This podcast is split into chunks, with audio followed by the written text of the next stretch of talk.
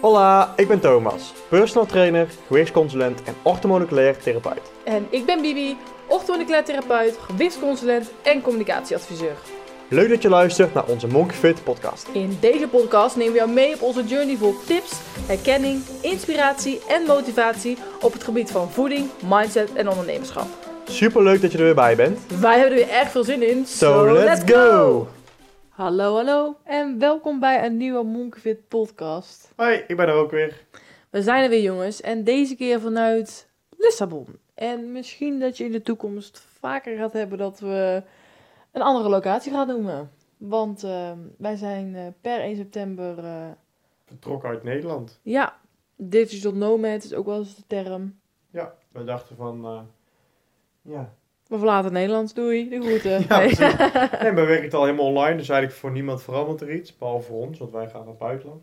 Maar ehm, ja, we werken online en we dachten, dit kunnen we ook vanuit het buitenland doen. Dus zoals veel mensen ook weten, zijn we natuurlijk ook eh, afgelopen jaar al twee maanden naar eh, Alicante geweest. Dit beviel heel erg goed. En eh, we hadden zoiets van, waarom niet langer? Of ja, voor eh, weet ik veel hoe lang. Ja, precies. We weten nog niet hoe lang. We zitten hier nu eh, eh, een maand en misschien wel langer. En, Ja, we zitten hier nu nog Ja, maar. ja, we zitten hier een maand inderdaad, hebben we hier gewoon geboekt. En we kijken van of we langer blijven, eerder weggaan, of niet eerder, maar gewoon naar die maand. Ja, we bekijken het eigenlijk gewoon een beetje maand, van maand tot maand. Ja, zeker. Dus tot nu toe bevalt het erg.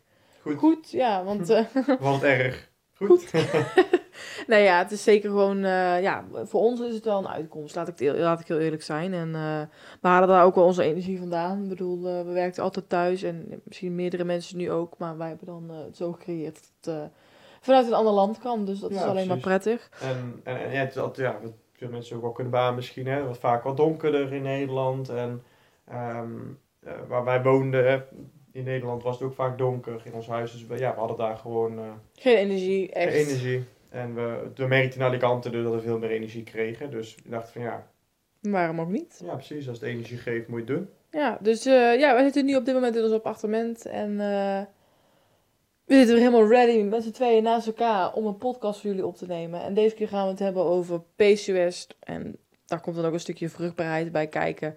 Ja. En dus eigenlijk ook een hormonale disbalans. En hoe krijg je dan dus een hormonale balans? Want eh, ja. ja, hormonen heeft iedereen. De kinderen niet omheen. kunnen niet meer. Mannen en vrouwen allebei. Vrouwen hebben vaak iets vaker last van, maar ook mannen hebben ze. Ja, maar vrouwen zijn toch vaak wel degene die het meer voor open of uitkomen, denk ik. Ja, die zei ik ook, nee, nee, grapje. ja, is wel. Nee, maar het is, Ja, het is wel wat gevoeliger. ja, een gevoel, maar dat komt ook, ja, ik weet niet of, of die de hormonen van vrouwen op zich gevoeliger zijn, maar ja, ja, ja, geen idee eigenlijk. Ik denk dat mannen daar ook niet zo snel Ja, je, uitkomen, je want gaat niet naar een man gaat nee van. Ja, weet ik trouwens niet, dat kan jij beter beamen. Maar ik zie nou niet echt een man eh, bij zijn vrienden aankomen van. eh hey Piet, hey Klaas, hoe gaat het? Ja man, ik. eh," En dan gaan ze de zeiken over waar ze last van hebben. Dat zie ik nog niet echt gebeuren. nee, en het is ook... eh, Niet dat kijk, vrouwen zeiden wel eens van. Nou, ik had vandaag heel dag hoofdpijn en ik was chagrijnig en ik had hier last van en hier last van. Maar die vrouwenhormonen zijn ook natuurlijk meer aanwezig door de cyclus. En de manhormonen Ja, ja, ja. zijn in principe Steadier. altijd altijd in dezelfde balans. Ja, natuurlijk zit er ook wel weer een fluctuatie in, maar de vrouwen hebben echt, hè, de, in de ene periode gaat oestrogeen omhoog, dan progesteron, omdat heel die cyclus goed geregeld Ja. moet worden. Of de zwangerschap, of voor de zwangerschap. Moet je voorstellen als een man ongesteld zou zijn. dat zou eens een keer leuk zijn. Ja, precies. Ze zeggen altijd, mannen die ziek zijn, zijn veel groter aanstellers dan vrouwen die ziek zijn. Dus ja, als Ja, een man die ongesteld is, dat, dat zou eh, inderdaad eh, heel... nou, moet je gewoon leren. niet plezierig zijn. Maar de vrouw heeft natuurlijk ook weer de overgang. Dus daar heeft een vrouw heel veel periodes in, de lig, in een leven natuurlijk. Waar Ja. hormonen... En dan als je zwanger bent, weer extra hormonen, alles overhoop. ja, als je bevallen bent ook weer. Ja, En de man... Ik denk dat de man ook wel last van heeft. Maar die, wat de man eigenlijk doet is gewoon... te- ja, die spuit gewoon anabolen in. Want dat is eigenlijk gewoon ik dacht, testosteron. ga jij zeggen? Nee, Die nee. spuit, gewoon alle wonen. Nee, maar oprecht. Dat, en dan dat is ook een stukje onzekerheid. En een stukje van de man heeft te weinig hormonen. Ja, te weinig testosteron. En, en wat mannen doen, hè, als ze kaal zijn, zetten ze haartransplanten. Maar heeft ook te gaan maken met testosteron. Als man, mannen geen goede baardgroei hebben, doen ze er vaak ook iets aan. Of ze laten hem tatoeëren of wat er om. Maar inderdaad, paard tatoeëren. ja, je kan, ja, dat kan. Oh, oké. Ja, oké. Ik weet niet of veel mensen doen, maar het, Geen het idee. kan. De- de- Ja. Dat zijn allemaal van die dingen die mannen doen. En dat is meer ehm, niet zeiken, maar dat is meer een soort van ook heel onzekerheid op een andere manier aanpakken inderdaad. Want testosteron doe je echt puur alleen maar omdat je onzeker bent en dat je gewoon ja, meer spieren wil. En dan denk je van ja, dat is goed voor me. En dan 30 jaar later val je om dat je gewoon zo ongezond bent. Ja, nou ja, dat, in principe. Dus eigenlijk de conclusie van dit hele verhaal, man en vrouw hebben allebei hormonen. En, En het is altijd aanwezig op een eh, vaak vervelende manier, maar het hoeft helemaal niet. Nee, nee. Maar we hebben deze podcast opgenomen niet over mannenhormonen, of, maar juist eigenlijk over vrouwenhormonen. Ja, dus Eh. daarom gaat Bibi ook een beetje haar verhaal erover doen. Ja, en. Thomas, en ik eh, vul het eh, aan eh, met wat kennis af en toe. Waar, eh, niet per se nodig, maar misschien handig en leuk. Ja, gewoon voor de leuke afwisseling. Dus ik zit er lekker bij te chillen vandaag. Ja, nou ja, laat ik eens beginnen over ehm, hoe mijn E-patroon, ehm, denk ik, zes jaar geleden was. Vroeger toen ik puber was, laat ik het zo zeggen. Bij mij is drie jaar geleden cons- geconstateerd dat ik PCOS had. Ik PCOS heb, ja, 2019. Dus- ja, volgens mij was het eh, inderdaad zo rond Ja, zeg even 2,5 jaar geleden. december 2018, begin 2019. Ja, ja, ja, ja, het is februari geweest. Oh, februari. Ja, dus dan begin 2019. Ja. In ieder geval, eh, ja, heel wat jaren daarvoor. Mijn E-patroon was eigenlijk altijd eh krakots met suiker en ranja. Hm, ja. En ehm, nou ja, laten we heel eerlijk zeggen, dat is gewoon niet goed. Dat is een hele berg suiker. Ehm, ik was ook altijd gewoon iemand die liever eh, overal twee dingen van nam dan één. Dus vooral qua snoepjes. Ik had een obsessie voor Amerikaans snoep, want ja, dat vond ik gewoon super interessant. Dus ja, ik had ook altijd gewoon een zak snoep in mijn nachtkastje liggen. En had je dan ook heel de dag door, hè, dat je eigenlijk Ja. gewoon... Oh, dat weet ik eigenlijk Gewoon- niet. Gewoon was je ook zo'n... Ik was vroeger wel echt zo'n kind, laat me zeggen, die dan gewoon hè, wel het ontbijt, de lunch, het avondeten had. Maar het- kon... Ik werd niet per se heel erg vrijgelaten om te snoepen. Maar als ik dan de mogelijkheid had, hoe ouder ik werd, hoe meer daar vrijgelaten in werd... Dan was ik ook wel iemand die even tussendoor een stroopwafel of even een snoepje... Ja, het is wel vaak als ik dan kijk, want eh, er zit- er zit zo'n beweging van vooral middelbare schooltijd, denk ik. Was wel gewoon 's ochtends ontbijt en dan smiddags op school, had- of tussendoor had je iets, of suikerwafel of Vaak iets zo. van suiker, ja. Ja, en dan had je je lunch. En dan ah, klapte je ook nog eens even stokbrood, kruidenboter en eh, chocolade tegenaan. En dan kwam je Van thuis. En dan, Lidl of wat dan ook. ja, en dan kwam ik thuis en dan had ik vaak gewoon eh, Doritos. Ja, ja, dus je had echt heel veel eigenlijk tussendoor. Ja, want het is, ik weet het niet meer heel goed, maar mijn moeder was ook niet altijd thuis meer. op- Mijn moeder moest gewoon werken. Ja, precies. Dus mijn moeder is eigenlijk ook nooit zo streng geweest. Het is wat eigenlijk wel chill, vind ik dat persoonlijk. Ja, Ehm, maar, maar het was wel... ja, ik kon gewoon doen en laten wat ik wil. Ja, je had dus eigenlijk gewoon vijf, zes, zeven eetmomenten inderdaad Ja, als er, eh, kon er ook goed. En dan was het avondeten, dan was daarna toetje. En dan was het s'avonds nog iets, hoor. Ja, ik, Ik, denk, dat ik, kon er makkelijker tien aan tikken dan dat ik er drie aan tikte, zeg maar. Ja, precies. En drie waren gewoon fatsoenlijke maaltijden. De overige zeven waren dan gewoon snoepen, snoepen, suiker. En dan je En dit- hoofdmaaltijden waren ook vaak nog suiker. Ja, dus dit was echt, zeg maar, eh doe de extreme. Ehm, op een gegeven moment... voordat je iets met voeding ging doen. Ja, heel ver. Op een gegeven moment ging ik dus sporten. En 1 plus 1 was bij mij niet meteen 2 qua voeding. Maar ik ging gewoon sporten. Ik deed heel veel cardio. In welk jaar was het ongeveer? 2015. Oké. En ik ging gewoon cardio doen. That's it. En ik stond meer op de loopband, zodat ik s'avonds kon eh schranzen. Gewoon pizza eten. Ik ben er goed dat ik ooit ergens heb gepost, of ik weet niet wat. Maar dat ik zei, of, of je had vroeger zo'n app, Timehop, of dat heb je nog steeds. En dan kun je zien wat je toen ooit getweet hebt. Ja, Echt? ja, Ja, ja. En ehm, ik heb ooit getweet, ik sta weer op de loopband. Kan ik vanavond een pizza eten? Echt zo'n zo'n zo'n Zo typisch. zo'n verkeerde fit girl gedachte, ja. Eigenlijk wel. Dus dat deed ik dus. Maar op een gegeven moment leerde ik jou kennen, hoe jij sportte en zo. Dus toen ben ik veel meer in het Ja. sportwereldje beland. En nu ga ik even een snelle fast forward maken. Ehm, wat ik me even op dit moment besef, misschien weten sommigen van jullie niet eens wat PCOS is. Dus ik zou zeggen, leg jij het eventjes uit. Ja, korte Korte, interventie korte van het- interventie. Van het verhaal. PCOS staat uit mijn hoofd even voor polycystueus ovariumsyndroom. Ehm, en dat betekent gewoon dat je je eierstokken, en die maken altijd ehm ja, eicellen aan. Ehm, en normaal wordt die losgelaten, eentje daarvan wordt eh, doorgerijpt, wordt losgelaten en dat kan, die kan bevrucht worden of niet. En dan krijg je menstruatie of een zwangerschap. Eh, maar bij PCOS rijpen er te veel cellen door, eicellen door op je eierstok. Krijg je een soort van kiestes op je eierstokken, blaasjes. En ehm, dat zijn er zoveel, waardoor je hele, het heeft dus veel mee te maken, waardoor je hele hormoonhuishouding uiteindelijk een beetje op zijn kop gaat staan. En je problemen met, eh, met je cyclus gaat krijgen. En daar veel, maar, ja, veel last van kan hebben. Mooi gezegd. Ja, Bibi heeft dadelijk ook nog, gaat ook een beetje vertellen van wat nou de klachten zijn, hoe je het kan ontdekken. Dat gaat ze in de verhaal nog, eh, nog verder benoemen? verduidelijken. Ja, dat is dus even kort wat ik uiteindelijk dus heb gehad. Heb, ja. Ik Gekregen eigenlijk Gekregen. inderdaad. Maar terug Ehm, inderdaad. maar terug waren even- bij... eh, ja. Toen ik naar Lissabon ging. Oh, Opnieuw. Lissabon, ja. Dus in 2017 ging ik voor mijn minor naar Lissabon. En eh, dat betekende dus dat ik alleen school had en vrienden. En dus geen werk. Nee, maar het gaat, er gaat heel veel tijd in zitten.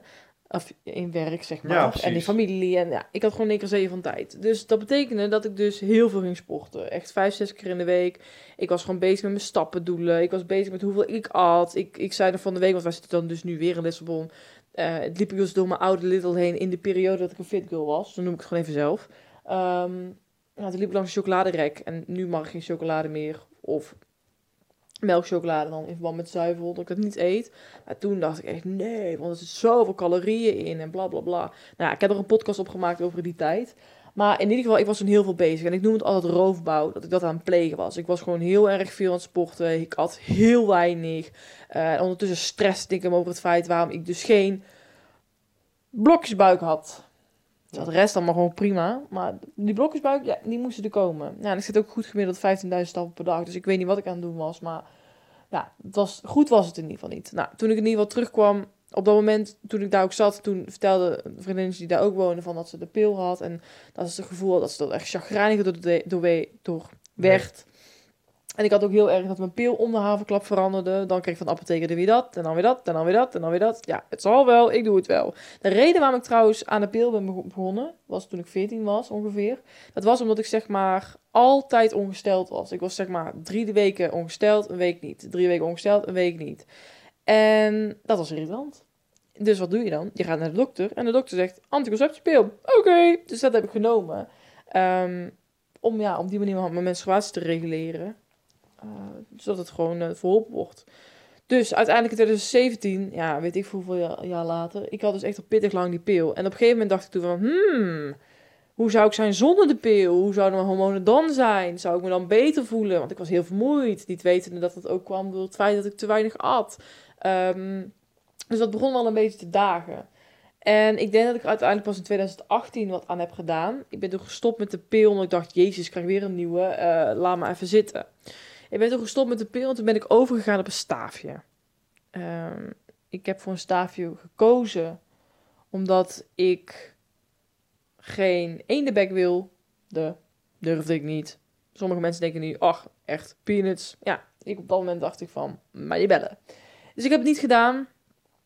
Eh, dus ik ben voor een staafje gegaan. Nou, was echt een drama. Misschien zijn er hier vrouwen op dit moment die dit hebben en denken, het is echt een fantastisch ding. Voor mij was het echt een drama. Ik heb me op dat moment ook niet in verdiept. Ik was totaal nog niet bezig met hormonen, voeding en al dat, als andere, de- al dat soort dingen eigenlijk. Ehm, het punt was, ik was een half jaar lang elke dag ongesteld. Ik was alleen maar ongesteld. Ik, het leek wel alsof ik weer 14 was.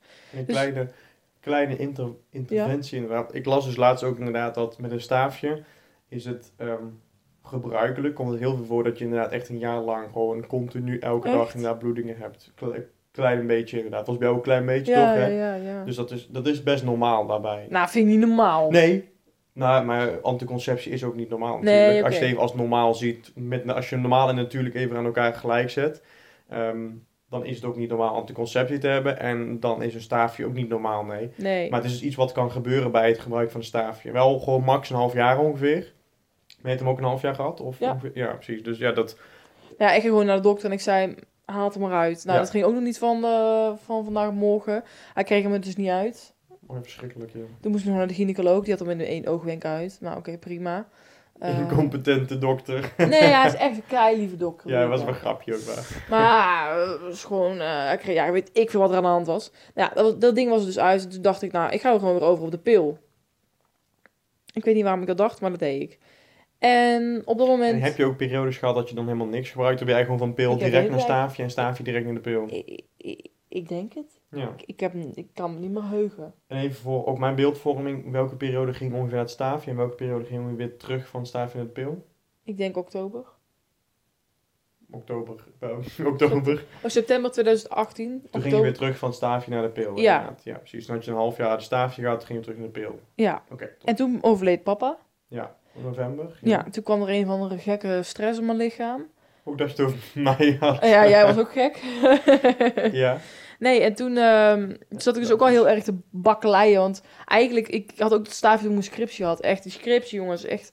Ja, dat, mensen die ons lang volgen, dat heeft mij echt gewoon zo genakt. Dat is gewoon, ik heb En zoveel toen stress. begon jouw stress inderdaad ook. Bewuste ja. stress, laat ik het daarop houden.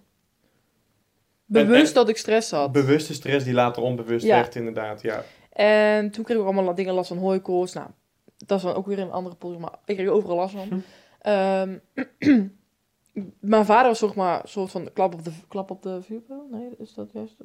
Ja, volgens mij wel. Ik weet het niet. In ieder geval de genadeklap. Daar ging het De niet meer druppel om. die er helemaal net overlopen. Want hij overleed dus. En ehm, ik weet nog goed in die periode dat ik dus ook bij de dokter liep, omdat ik altijd buikpijn had. Nou, die zei, ga eens glutenvrij eten. Best een hippe dokter, denk ik dan. Ik kwam ook uit een bloedtest toen. Uit een reguliere bloedtest. Ehm, maar ja, is heel leuk en aardig. Toen ben ik dus drie maanden gestopt. Ik, volgens mij was het bij, bij rond papa, was ik gestopt met de pil opnieuw. Want ik dacht, dit is echt raar. Laat maar zitten, doei. En toen ben ik dus vervolgens drie maanden lang niet ongesteld geworden. Van ik dacht, wat is dit nou weer? Van zeg maar elke dag ongesteld naar helemaal niks. En ik wist dat het, als je gestopt met de pil, en al, dat het eventjes een gangetje moet laten gaan. Maar het punt is, ik zat op dat moment al in opleiding, of op voeding en op orthomoleculair een beetje. Waar we net mee begonnen. toen, Ja, dus ik dacht, jongens, ik had acne. Ik was altijd al wel vroeger een puber die wat sneller acne kon hebben. Maar het was niet zoals ik het toen op dat moment Nee, had. klopt. En het is zeg maar rond mijn scriptie alleen maar erger geworden. Eh, dat ik echt gewoon een soort kiezelstenenpad op mijn gezicht had. Hm. Ja, ze noemen ik al heel veel griezeltjes en heel veel... eh, ja, gewoon echt vervelend. En Ja. dat je elke ochtend wakker wordt en dat je naar je gezicht grijpt en dat je denkt... Kut, er is er of weer één bijgekomen of het is nog steeds hetzelfde. En je, wordt er gewoon, je hebt gewoon het gevoel dat mensen met je puisten praten in plaats van met jezelf.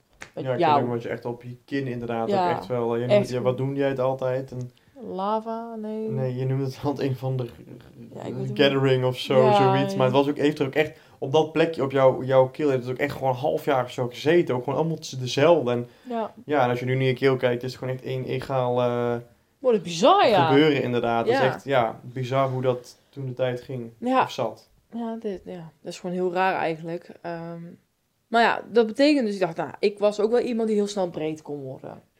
Ik had, ik, ik had heel hoog, dus ik had een vrij hoog testosteron voor een vrouw. Testosteron zorgt inderdaad voor, voor spiergroei, spieren aanmaken inderdaad. Ja, Dus dat, ja, vrouwen die meer testosteron hebben zijn vaak ook wat breder, bredere kaaklijn vanzelf, wat breder in de bouw. ja. Dus dat had ik. Dat vond ik op dat moment niet erg, maar uiteindelijk is het dus niet helemaal goed. Eh, ik had Ludo inhammen. Ludo van GTSD. Je dat Ludo inhammen, ja. Ja, zo. Gewoon met je man- kaalheid dus. Dat heeft ook met, met testosteron te maken, inderdaad. Dat is de reden waarom mannen kaal worden. Verkeerde afbraak van testosteron, inderdaad, naar DHT. En dan worden mannen eigenlijk kaal van op een gegeven moment. Nou, vrouwen En worden niet kaal. dus ook. Nee. Maar vrouwen krijgen inhammen en op de kruin kunnen ze vaak wat, ja, een beetje kalig worden. En heel dun haar, wat op een gegeven moment echt gewoon broos wordt en afbreekt. Ja, nou, welkom eh, tot de club. Dat had ik dus, maar daar stond ik helemaal niet bij stil. En ik had dus acne. En, waar ik dus veel later pas achter kwam, is dat dus de reden was van mijn snor. Ja, dat is een mannelijke snor. beharing. Ja, Ja, weer. mannelijke beharing. Eigenlijk alles wat mannelijk is en wat er mannelijk uitziet, heeft met testosteron te maken. Ja, want echt, eh, ik denk dat het goed een jaar geleden is dat ik eh, een keer... eh, ik heb wel wat donshaar op mijn bovenlip, maar niet meer een snor, toch? Nee. Nee, ik zie niks. Nee, ik ook niet. Ik kom even dichterbij en we zien niks. Nee. Dus dat betekent Maar dat dat... is normaal. Iedereen, iedereen, elke vrouw heeft donshaartje, want elke vrouw heeft ook Ja. testosteron. Maar het is, het is niet zo... Ik had eh, gewoon zwarte haren. Ik moest die gewoon weghalen, want Ja. anders dacht iedereen dat ik een snor had. Ja, precies. Maar ik dacht, dat, dat is normaal, maar dat is dus niet. Dus ja, met die symptomen ging ik naar de dokter en toen zei ik, meneer luister, ik heb toch even gegoogeld, ik ook al weet ik dat het niet mag. dat maar weet ik nog wel, dat jij gegoogeld had Ja. dat je eigenlijk al naartoe ging met ik PCOS. tegen mijn moeder, man, ik hadden PCOS We hadden toen net een relatie inderdaad, dus ik weet ook dat meeging naar het ziekenhuis. En dat je eigenlijk al helemaal had uitgezocht en dat je zei van ja goed, het is waarschijnlijk PCOS. Ja, dus ik ging naar de dokter en ik zeg, meneer, ik heb PCOS, ik wil een inwendige echo, want ik moet het nu zeker weten. Dus ik heb het gewoon geëist eigenlijk. Hij zei, oké, hier heb je een briefje, ga maar afspraak maken. Had ik om een vrouwelijke dokter gevraagd. Wat krijg ik? Mannelijke dokter. Ja, precies. Toen ging ik mee inderdaad in het ziekenhuis. Ja, en, ehm, maar ik kwam dus, ik, ik ging daar eh, de inwendige echo krijgen. Ehm, en toen zei die dokter van, eh, of arts, die zei van, ehm, oké, je hebt eh, ongeveer eh, 22 à 24 eh kiestes op je ene eierstok. Oh, nu ga ik eventjes naar de ander. Ja, die hoef ik niet eens te tellen. Dus ik dacht, ja, dat is PCOS. Maar in plaats van dat ik dacht van, fuck, ik heb PCOS. nu kan ik eh, niet zwanger worden. Of eh, nu heb ik een verhoogde kans op eh, depressie. Of een verhoogde kans op diabetes type 2. Of een verhoogde kans op baarmoederhalskanker. Dacht ik, fuck yeah. Nu weten we wat ik heb. Dan kan ik zeggen wat ik heb tegen de mensen. En dan kan ik er iets aan doen. Ja. Een doelgericht plan. Dus ik kwam eigenlijk als een soort blije puppy die had behandelkamer uit. Ik zeg, Thomas, ik heb het. Ja, ik kwam eigenlijk eerst naar buiten. Haha, ik had een, behandel, ik had een mannelijke. Dat zei ik eerst. En toen zei ik, ik heb het. Ik heb PCOS. Ik was een soort blij omdat er een stempel werd gegeven aan datgene wat ik had. Ja, en ik weet ook nog wel Heel stom is dat, hoor. Op dat moment vroeg ik ook aan van ja, wat kun je eraan doen? Want wij waren toen net in september begonnen met eh gewichtsconsulent. En dat was februari wat jij. En in april begonnen met orthomoleculair. Dus wij waren net in die fase dat we daar geïnteresseerd in raakten. Dat we inderdaad meer gingen verdiepen. Maar we hadden nog niet die kennis die we nu hebben. Dus nee. ik weet nog goed dat ik aan jou vroeg van ja, wat kun je eraan doen? En jij zei zo van ja, hij vroeg volgens mij iets van of je een kinderwens had. En dat je dan... Nou ja, hij zei eigenlijk letterlijk, heb je kinderwens? Ik zeg, eh, nee. Oké, dan ga je gewoon weer aan de pil. ja. En toen zei ik, dat ga ik niet doen. En anders had hij een pilletje of zo, dan kon je zwanger worden. Zoiets. Ja, ik weet het niet. Maar ik dacht, maar niet bellen. Ja. Want weet ik nog goed, ik was verder van huis, zeg maar. Maar beide hadden En wel... nogmaals wil ik hier wel een disclaimer bij leggen. Luister, dit is mijn verhaal Ja. en mijn gevoel en hoe ik het wilde doen. En voor alle mensen die dit op dit moment hebben of een zwangerschapswensen, ik wil je alleen maar inspireren dat het anders kan als je dat wilt. Het Ja. moet niet. Alleen als je het wilt. Ja, dit Als- is jouw journey, Ja. jouw keuze. En je wil met jouw keuze laten, meer blijkbaar laten eh, zijn. en, ja, Ja, duidelijk maken duidelijk dat het anders maken dat kan. het anders kan, inderdaad. En dat het niet altijd moet zoals inderdaad bijvoorbeeld een dokter zegt: van je ga maar aan de pil totdat je zwanger wordt. En dan krijg je een ander pilletje en dan kun je zwanger worden. Ja, ik wilde gewoon, mijn doel was gewoon oké, ik ga mijn hormonen zo in balans brengen dat tegen die tijd dat ik ooit zwanger wil worden, dat ik het gewoon zelf kan. Ja, want je, En ik zeg Ja. niet dat je bij PCOS niet zwanger kan worden. de want kans dat- kan de ook. kans is kleiner. Ja, dus dat En, wilde gewoon. en, en het is bij PCOS, hoe stom het ook klinkt, de kans op een afwijking met, bij de geboorte, inderdaad bij vroeggeboorte of allerlei andere afwijkingen, is veel groter bij Kan. PCOS. Ja, die, ja, de kans is groter, kan, kans is groter inderdaad, dat het gebeurt dan dat je inderdaad geen PCOS hebt. Ja. Dus wat gebeurde er vervolgens? Eh Bibi en Thomas gingen al een plan van aanpak maken. Ja. En Kort nog even aanvullen, wat ik heel mooi vind, wat, wat, je dus wat jij ging doen is inderdaad de oorzaak aanpakken. En wat er eigenlijk met de pil gebeurt en zo'n pilletje te worden, is het gevolg aanpakken. Van oké, je hebt PCOS, dat zorgt voor dit, dit en dit. En we gaan dit en dit en dit aanpakken, maar niet kijken waar ligt de oorzaak van het probleem. En dat ging jij dus doen. Dat, dat doen wij met voeding natuurlijk ook altijd. En ja, dat vind ik gewoon altijd Ja. mooi, inderdaad. het punt is, is dat ik het niet 1, 2, 3 vol gas ging aanpakken. Ik heb het echt geleidelijk aan gedaan. Ehm, ik denk dat ik eerst heel erg ben gaan letten op... ehm nou, sowieso had ik toen nog glutenvrij. Ja, Dus jij was daar natuurlijk dat- toen net mee ja. begonnen, inderdaad. Hè? Ja. En, eh, En gaande de studie ben ik toen ook wel, volgens mij begonnen met Vitec... Ach, Vitex? Agnes Vitex kast, dus Ja, volgens mij Nou. Ja. Dus dat is, wat is de Ja. volgorde van de woorden, is altijd de vraag. Ja. En eh, ik had toen nog niet zuivelvrij, maar wel glutenvrij. En correct me if I'm wrong, maar volgens mij ben ik toen ook op gaan letten op mijn koolhydraatinname. Wel ja, meer. ja, klopt. Want, want, want inderdaad, kort, kort even aanvulling inderdaad. Hè. We, niet voor niks dat Bibi zo duidelijk benoemde dat ze alleen maar suiker had natuurlijk vroeger. Heel veel eetmomenten met heel veel suiker erin. Komt dat insulineresistentie. Er staat eigenlijk vrijwel altijd aan de basis van, ehm, van eh, PCOS. Er komen andere dingen bij kijken, ook vaak overgewicht en dat soort dingen. Dat gaat ook vaak hand in hand met insulineresistentie. Eh, dat had Bibi niet. Ehm was, had geen overgewicht zo, maar wel insulineresistentie door te veel suiker eten.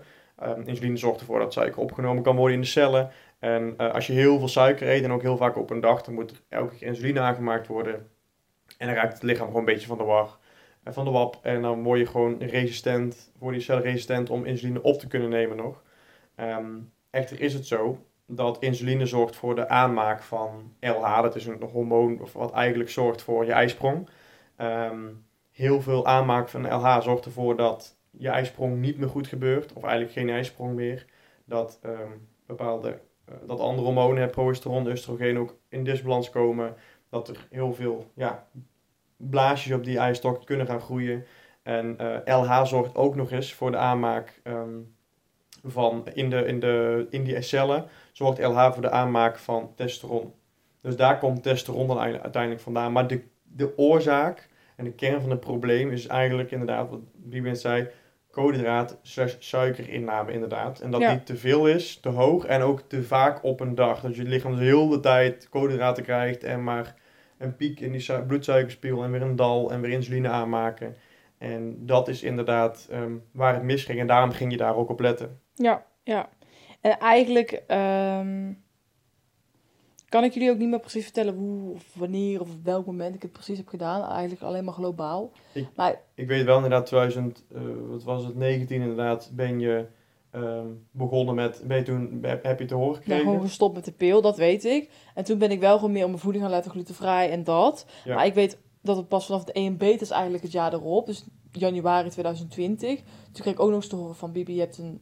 eh of ja, je kan niet tegen zuivel, lactose. Ja, precies. En ik was dus daarvoor begonnen met die monnikspeper. En die monnikspeper die zorgt er dus voor dat jouw eh, menstruatie wordt gereguleerd. Ja, die zorgt voor eigenlijk al die hormonen in de Ja. menstruatie, dat die gewoon een beetje weer... Dus eh, ik werd al heel snel gewoon normaal ongesteld. En ja, soms duurde het wel 40 dagen en 45 dagen. En soms duurde het 30 dagen. Dus een structuur zat er toen nog niet in. En mijn acne, die ging ook niet als sneeuw voor de zon. Nee, dat was, dat was die nog verdween ook niet voor sneeuw. Ja, dat duurde, ja, dat, dat, dat, dat heeft wel even. Ja. Een jaar later inderdaad, toen jij de Ja, ja, want- ja, test deed, maar toen jongens, was ik zat nog. nog in de rouw, ik had nog stress, ik had nog, ik, ik was ehm zoekende naar wat ik wilde, ik ging met jou samenwonen. Ja, weet je, ik vond het, het, was best ook een rumoerige tijd, maar Ja. dat is wat ik mee wil aangeven, is geven tijd. Afgezien van het feit dat ik het super irritant vond. Alleen al die puistjes. Want mijn testosteron ging ook minder, eh, ik sportte ook minder, ik ging veel meer op mijn voeding in aanleiden, ik ging mezelf echt energie geven. Ik ging veel meer eten, waardoor ik echt de energie aan mijn lichaam gaf dat ik kon. Ik had dus geen anticonceptie meer. Dus dat had ik allemaal niet meer. Ik had geen Ik anticonceptie. had, dan moest een oh, haven op. oh, ik dacht, at. Nee, dat klonk, zo klonk het ook wel. Ja. Ehm, dus ja, op een gegeven moment ben ik dus zuivelvrij gaan eten. Dus eigenlijk is de eerste stap eigenlijk die je kan maken, is stop met je anticonceptie. Ja, precies. De pil, spiraal, wat dan, wat dan ook. En de kans is er dan dat je inderdaad dan klachten gaat krijgen, zoals bijvoorbeeld Ja. acne, zoals inderdaad je menstruatie in één keer heel Maar je moet weten onregelmatig is. hoe jouw lichaam is. Ja, Jij kan jouw lichaam niet in balans brengen als je er elke dag iets tegenaan gooit. ja als, je gewoon, als je gewoon synthetische hormonen erin gooit dat die jou proberen in balans te houden op een onnatuurlijke manier, weet je niet wat de natuurlijke balans is. Nee. Dus dat is eigenlijk de eerste stap. En Ja. stap twee is, en die kan geleidelijk aan, is intoleranties vermijden als je die hebt. Zodat je je darm ook rust geeft. Want dat staat ook gewoon in, in, in lijn met je, met je lichaam en met je stress.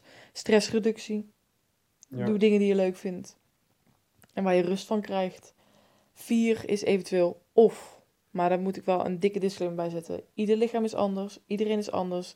En als je zegt, ja, wij kunnen je ook eigenlijk bijna niet meer zonder een EMB. Dat is echt het advies erin geven. Omdat wij ook totaal niet van de buitenkant kunnen zien hoe iemand zijn hormonen ervoor staan.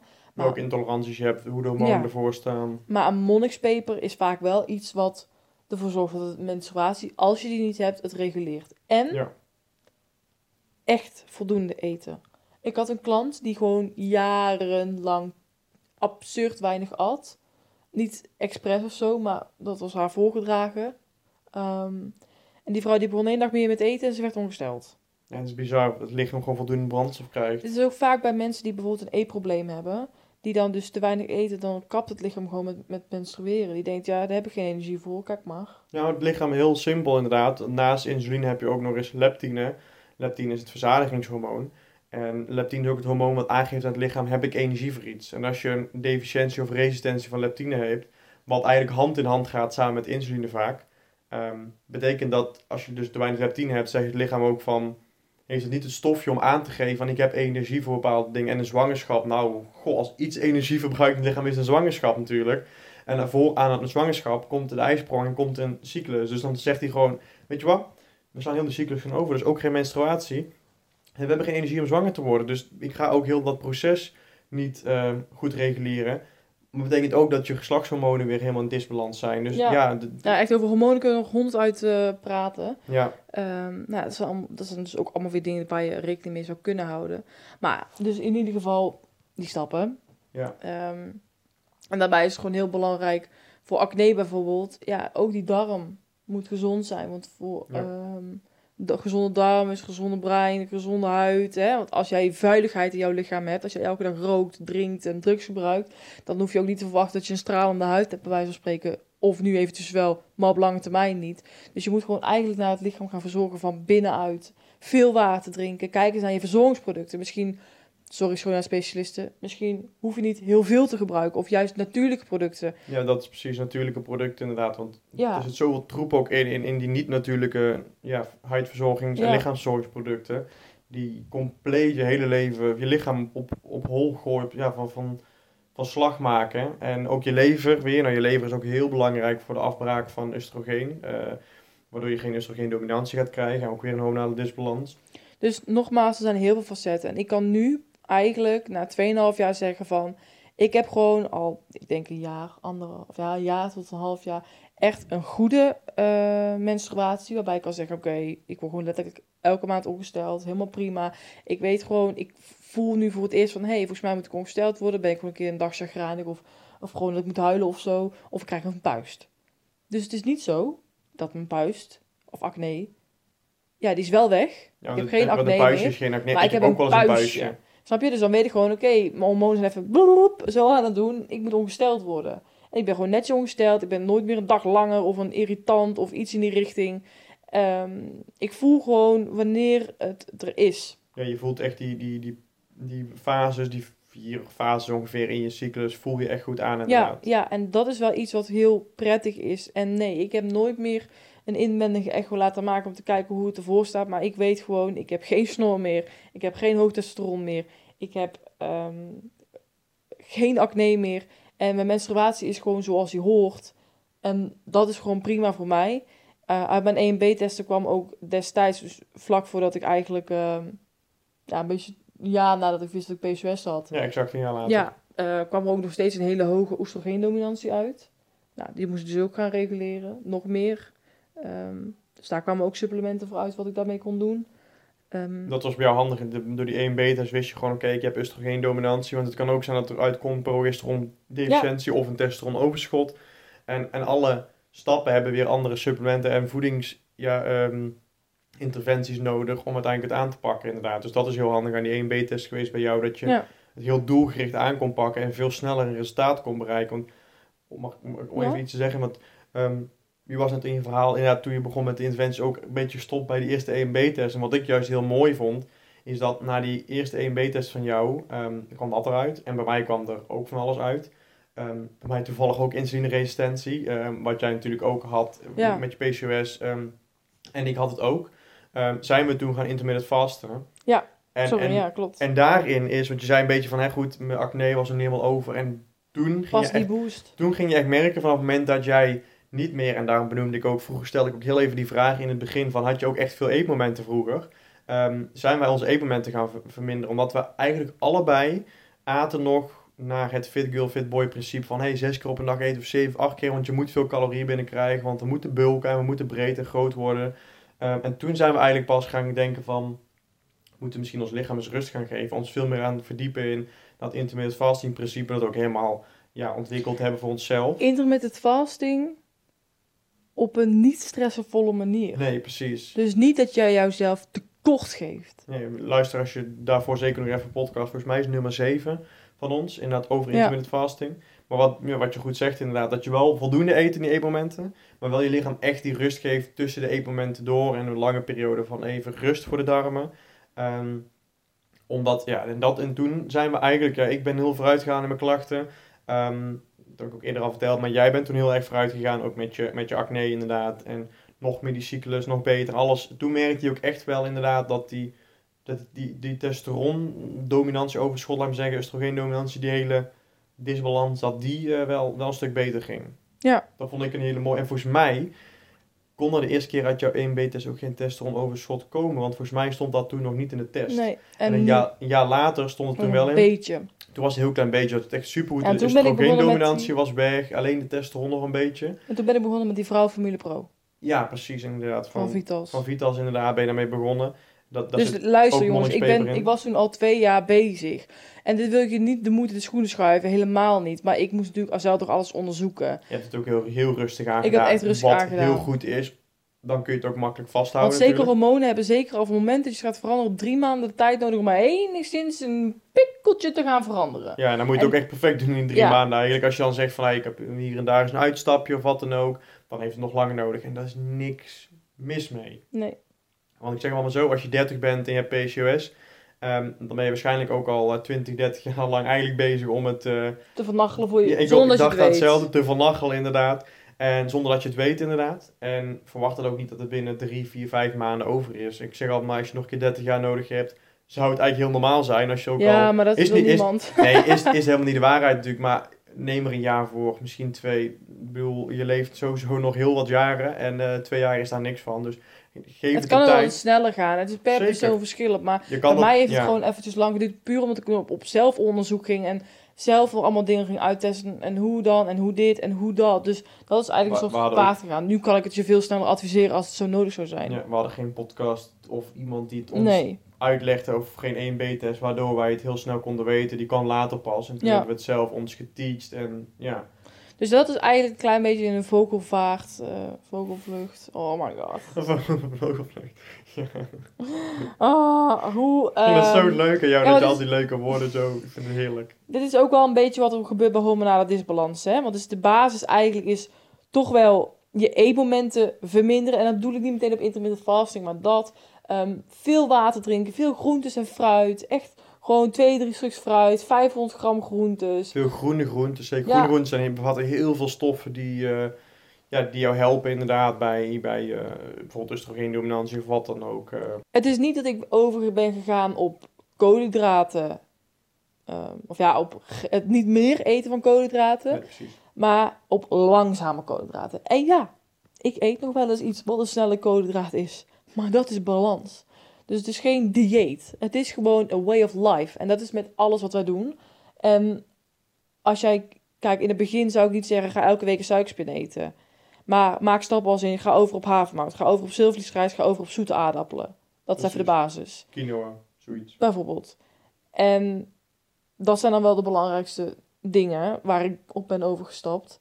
Ehm, maar ook dingen als stressreductie, ga wandelen, doe wat je leuk vindt. Of vind je wandelen niet leuk, ga je boksen. Vind je boksen niet leuk, ga dansen. Doe wat je leuk vindt om te bewegen. En het liefst op nuchtere maag, dat is nog een fijner dingetje. Een hele goede tip van Bibi inderdaad om insulineresistentie ook tegen te gaan. Dus om je insulinegevoeligheid te verbeteren noemen ze dat eigenlijk.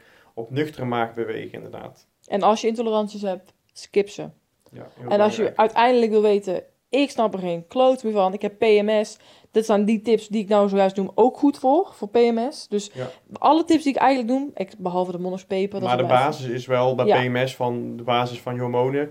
Hoe, waarom, waar PMS vandaan komt, is wel daadwerkelijk anders dan PCOS inderdaad. Ja, Maar dat is, is een, maar in principe de qua, dingen qua die ik net interventies is het wel, er komt Ja. wel een beetje overeen de inderdaad. stappen zijn Ja. wel, komen wel overeen. Misschien net andere supplementen, dus daarom moet je ze niet zomaar gaan nemen. Er andere voeding nog die erbij kan helpen. Ja, zeker. Dus dat zijn wel een paar dingen. En ik kan nu oprecht zeggen, ik smeer s'avonds en s ochtends aloe vera gel op mijn gezicht. En ik eh, maak me ook zo met kokosolie. En daar ben je ook echt veel in veranderd. Want jij gebruikte Ja. inderdaad vroeger echt heel veel... Fucking veel troep. Ja, gewoon heel veel gewoon scho ja, schoonmaakmiddelen inderdaad. Die echt gewoon... En dan gebruik je ook altijd van die Madra en, en dat soort spullen allemaal. Ja, Madara City CC crème. Ja. Crème, cream. SPF, SPF 15 inderdaad. Ja, en ik smeer ook nog zelf zonnebrandcrème. mijn Zonnebrandcrème van Madra inderdaad. En, en, en dan inderdaad gewoon kokosolie en aloe vera gel inderdaad. En ik En- merk zelf ook, hè, voor, voor mij als man, als ik bijvoorbeeld me geschoren heb of wat dan ook.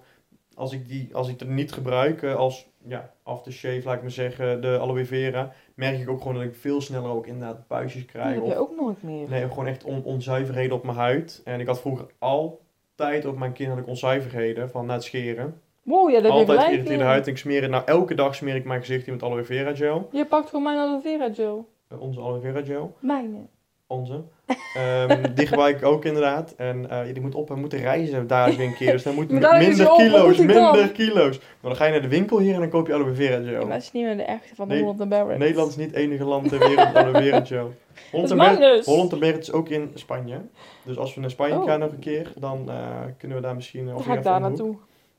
Gaan we zien in Spanje. Maar goed, dat even zeiden. Ik merk ook gewoon dat het heel erg werkt. Dus het is niet alleen dat Bibi daar toevallig als enige in heel de wereld... Nee, het is ook goed voor insecten beter, daar niet van. Ook, maar ik bedoel, ik merk dus ook gewoon dat mijn huid ook heel goed erop gaat. En ik heb nooit echt onzuiverheden op mijn huid. Maar ik merk gewoon dat, ja, bij het scheren had ik wel op mijn keel of mijn kin had ik heel vaak, eh, of mijn hals had ik vaak er last van. En is ook echt, als ik het goed insmeer, heb ik er helemaal geen last van. Ja. Dus dat is inderdaad ook iets wat je heel goed hebt gedaan. Gestopt met die huisverzorgingsproducten, schoonmaakmiddelen met troep erin. En gewoon, want je eigenlijk maak je je huid schoon met een chemisch iets heel sche- scheef Ja, ik had gewoon ook, door testosteron heb je vaak ook heel veel talg. Ja, En ik had gewoon heel veel talg. ja, precies. Dus ik ben ook gewoon één keer goed naar gewoon een schoonheidsspecialist gegaan. Ik heb gezegd, haal al die meeeters weg. Dat heeft ook echt Zij werkt ook met aloe vera. Ik vond het gewoon topspul. Ehm, ik vond het prettig. Kijk, iedere huid is dan wat dat betreft dan misschien net iets anders. Maar ik had gewoon een extreem gevoelige huid. Ik kon ook Ja. niks hebben. En dus aloe vera is misschien, sommige mensen misschien niet goed, maar ik denk voor mij de 90, 99% is aloe vera gewoon een topproduct. Dus ja, dit is even een lang verhaal kort. Dus mijn journey... In de eh, vogelvaart. in een, eh, over PCOS, hormonale disbalans, acne, eh, testosteron. eh, en als jij PCOS hebt en je wilt zwanger worden en je weet niet waar te beginnen, je bent altijd welkom Ja. bij ons. Eh, we gaan ook in de toekomst, ga toch zeggen Thomas, een hormooncursus maken. ja, maar daar hebben we het al vaker over gehad op Instagram Ja. ook inderdaad. We, eigenlijk roepen we het al een jaar lang. Maar nu zit het serieus in de planning. Ja, we zijn serieus in de planning. We zijn er echt goed mee bezig. En daar, daarom weet ik ook nou net weer iets meer van de molen. Ik ben er ook heel erg over aan het inlezen. Omdat ik... En we zijn ook bezig met een stresscursus. Ja, een stresscursus inderdaad. Ja, Dus die stresscursus die kan je eigenlijk halverwege oktober verwachten. ja daar zijn we bezig inderdaad. Dus dat is echt willen we aan de basis leggen hè, van eh Ja, alle klachten een beetje. want dat is wel. Dus wordt de basiscursus Je kan gewoon zien dat als je stress hebt, dan gaat het even wat minder. Ja, Dat is oké. En, ehm en hormooncursus komt er dan ook aan. Echt, ja, echt heel ja, gedetailleerd, heel goed inderdaad. En daar gaat voor iedereen met hormonale klachten gaat dat echt eh, een eh, super Uitkomst zijn. Ja. Dus ja, dat is eigenlijk eventjes eh, wat we vandaag met jullie willen delen. Hopelijk voel je wat, of her- heb je wat herkenning of een uitkomst. Of denk je van, hè, heb je die motivatie nog even nodig? Als je vragen hebt, stuur gerust een DM. Daar zijn we gewoon voor. Vinden we ook hartstikke leuk Ja. om mensen te kunnen helpen. En daarom doen we de podcast. Om gewoon Ja, ja, ons verhaal, of eigenlijk Bibi verhaal om deze, naar buiten te brengen. Zodat anderen daar... ehm, ja, soms misschien vinden mensen het eng om dit verhaal te delen. eh, of inderdaad vooruit te komen. Nu denk je van, hé, hey, er zijn gelijkgestemden. Zij is vannacht gekomen, ik kan het ook. En, en klopt zeker aan... Je hoeft niet meteen een dienst af te nemen bij ons, hè. Dat je meteen honderden euro's kwijt bent. Je kan ook gewoon inderdaad de vraag stellen en helpen je helemaal gratis. Gewoon door even wat kort advies te geven. Ja. Ja. Maar het is wel lastig. Als je vraagt van, is- ik heb... Als je, als je zegt van, ik heb hier en hier en hier en hier en hier en Welk hier. welk welk supplement? heb ik nodig? Dat is een ander, want dat kan ik niet. Precies, maar we kunnen je Eh. wel gewoon zeker goed op weg helpen vaak. En ehm, we kunnen altijd je vraag proberen te beantwoorden. Daar, eh, daar gaan we altijd voor. Ja. Dus super bedankt voor het luisteren. Ja. Als je nog suggesties hebt voor een podcast, eh, ja, laat het ook vooral weten. Let us know. En dan eh, spreken we jullie, of zien we jullie. We zien helemaal niks weer. Ik zeg het altijd. Dan horen jullie ons weer eh, ja, over een eh, tijdje. Ja, zo snel mogelijk weer eigenlijk. Doei doei! Doei doei!